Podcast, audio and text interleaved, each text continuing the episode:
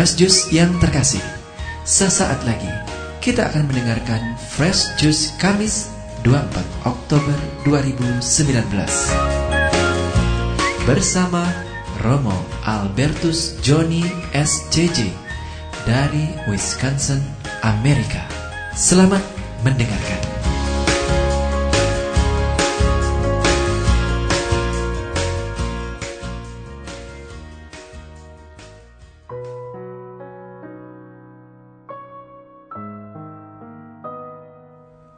Sahabat Fresh Juice yang diberkati Tuhan, hari ini 24 Oktober 2019. Saya Romo Albertus Joni, SCY, dari komunitas Sacred Heart Monastery Milwaukee, mengundangmu sejenak untuk masuk ke dalam wilayah Sabda Allah yang menghidupkan. Tenangkan batinmu, siapkan hatimu untuk mendengarkan firman Tuhan pada hari ini.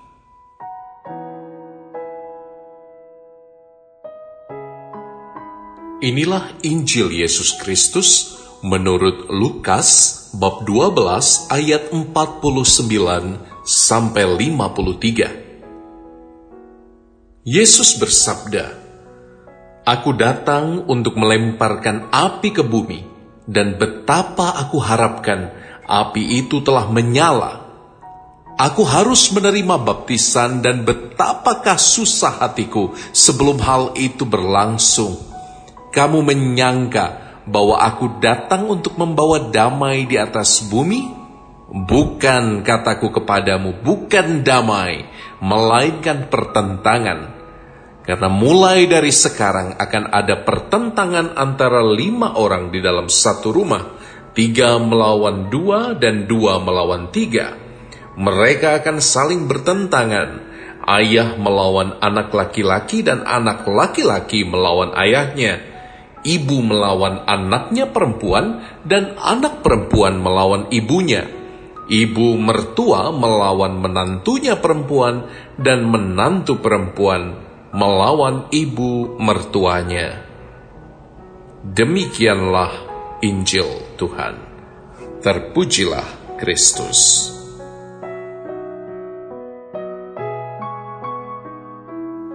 Sahabatku yang diberkati Tuhan, dalam salah satu perayaan Ekaristi, ketika Romo sudah selesai membagikan tubuh Kristus, saya biasanya akan membersihkan sisa-sisa darah Yesus yang masih ada di dalam piala suci. Miss Dinar biasa akan memberikan air kepada saya, lalu Romo akan meminum air itu dan membersihkan piala seperti biasa engkau lihat setiap kali kita merayakan Ekaristi. Nah, masalahnya adalah ketika saya meneguk air dalam piala itu, mulut saya terasa kebas. Karena air yang diberikan kepada saya rupanya adalah air suci yang telah dicampurkan garam. Air itu asin sekali. Ya, sahabat-sahabatku mungkin kau tidak tahu, air suci yang diberkati dalam tata perayaan malam Paskah selalu dicampurkan dengan garam berkat. Dan itu sebabnya airnya menjadi sangat asin. Lalu saya merasa agak jengkel. Mengapa air asin itu masuk ke dalam mulut saya? Merusak ketenangan batin saya. Asin sekali wajah saya tidak bisa saya atur menjadi berkerut karena ya sangat asin sekali sahabatku. Nah, lalu ketika Romo sudah duduk kembali, saya lantas jadi berefleksi. Mengapa saya galfok? Mengapa saya gagal fokus?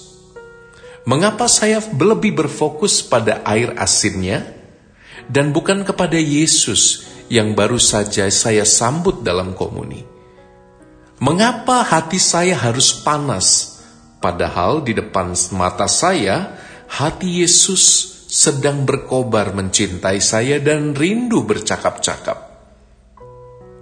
Sahabat-sahabatku yang terkasih dalam Kristus, pesan Injil hari ini sangat sederhana. Jangan gagal fokus. Mengikuti Yesus itu selalu membawa konsekuensi yang tidak mudah.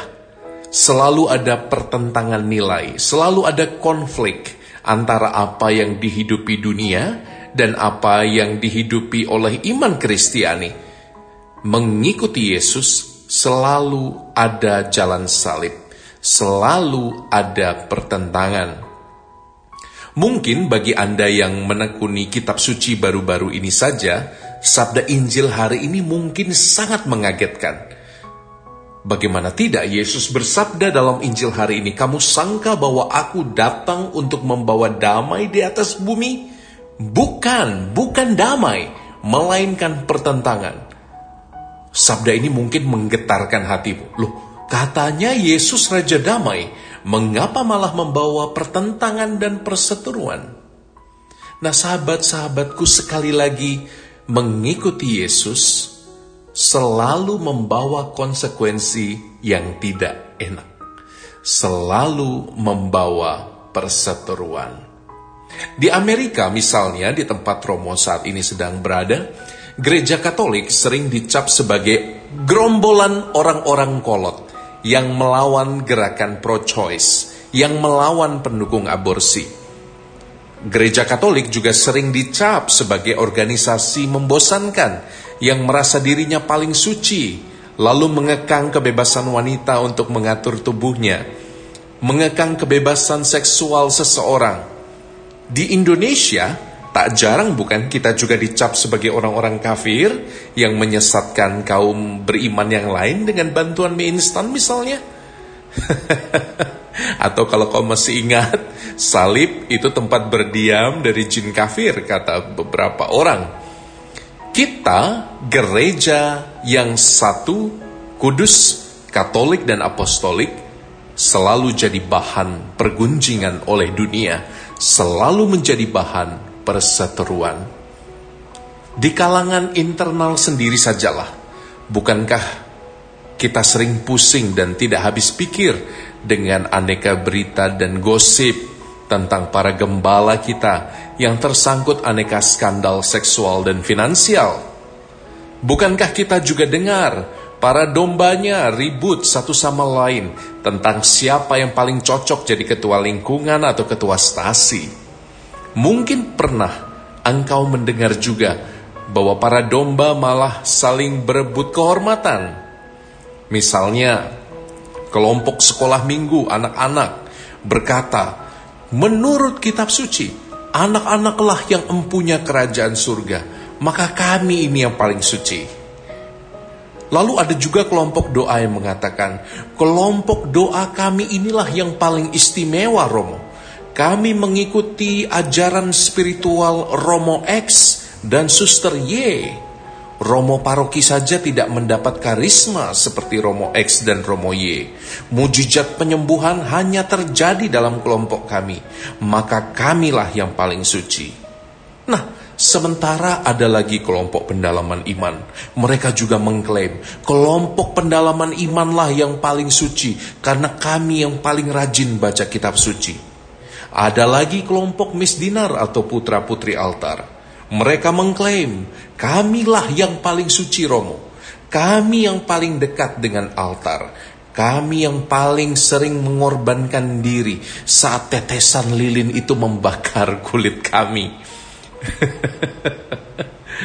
Tapi sahabat-sahabatku, mari kita hening sejenak. Kita sadari lagi di mana fokus Anda. Di mana fokus iman Anda. Bagaimana relasi pribadi Anda dengan Tuhan Yesus saat ini? Apakah Anda hidup dalam kekudusan? Apakah Anda berusaha berjalan dalam hadiratnya? Sahabat-sahabatku yang terkasih, walau gereja sebagai komunitas dan jemaat dilanda banyak masalah, fokuslah pada api yang telah dilemparkan Tuhan ke tengah dunia. Tuhan bersabda dalam Injil hari ini, Aku telah melemparkan api ke tengah dunia dan betapa aku harapkan api itu telah bernyala.